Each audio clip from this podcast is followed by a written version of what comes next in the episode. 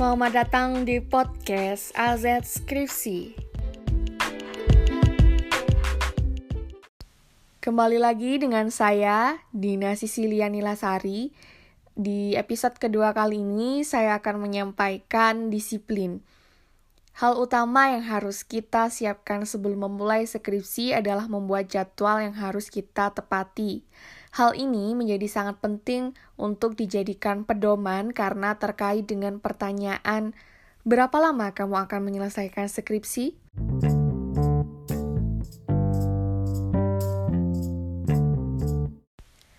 Nah, pada episode pertama kemarin, saya sudah menyampaikan mengenai kurva bukit di mana dalam time frame tertentu semangat kita itu akan semakin menurun. Oleh karena itu, jangan sampai penyelesaian tugas akhir atau skripsi kita itu memakan waktu yang sangat lama. Nah, ada beberapa hal yang dapat kita lakukan untuk membuat penyelesaian skripsi kita itu tepat waktu. Yang pertama yaitu membuat jadwal atau timetable, di mana dalam chapter berikutnya saya akan menjelaskan Mengapa sangat disarankan untuk memulai dari bab 2 terlebih dahulu, baru kemudian bab 3 dan kemudian bab 1 dalam tahapan penulisan proposal. Kita dapat memodifikasi dan membuat timetable dengan lebih detail disesuaikan dengan tahapan-tahapan dan kalender akademik semisal ujian proposal, ujian hasil, dan ujian komprehensif. Nah, berikutnya yang kedua, ada membuat catatan penyelesaian di mana penyelesaian skripsi berapapun waktu yang kita set akan terasa sangat cepat. Oleh karena itu, kita tidak boleh kehilangan momen untuk move forward dan tetap semangat.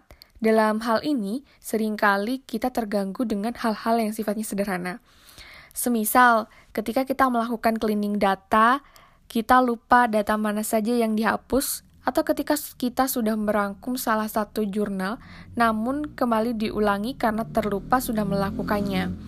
Oleh karena itu, kita jangan sampai lupa untuk membuat catatan apa saja yang sudah dilakukan, termasuk ide apa saja yang ingin dilakukan.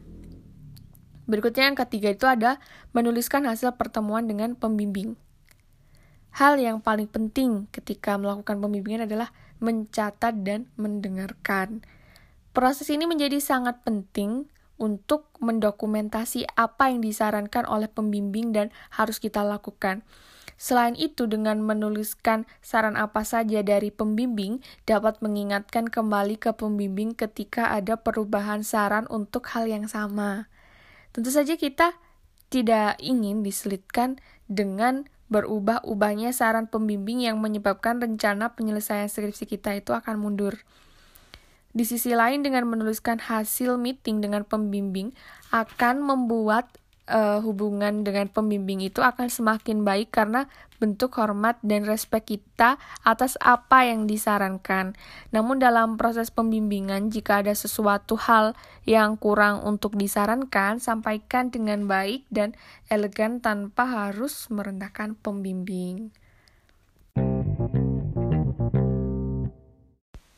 Nah, itu tadi yang dapat saya sampaikan di episode kedua kali ini. Saya mengucapkan terima kasih kepada teman-teman yang sudah mendengarkan podcast saya, dan saya memohon maaf apabila ada kesalahan kata.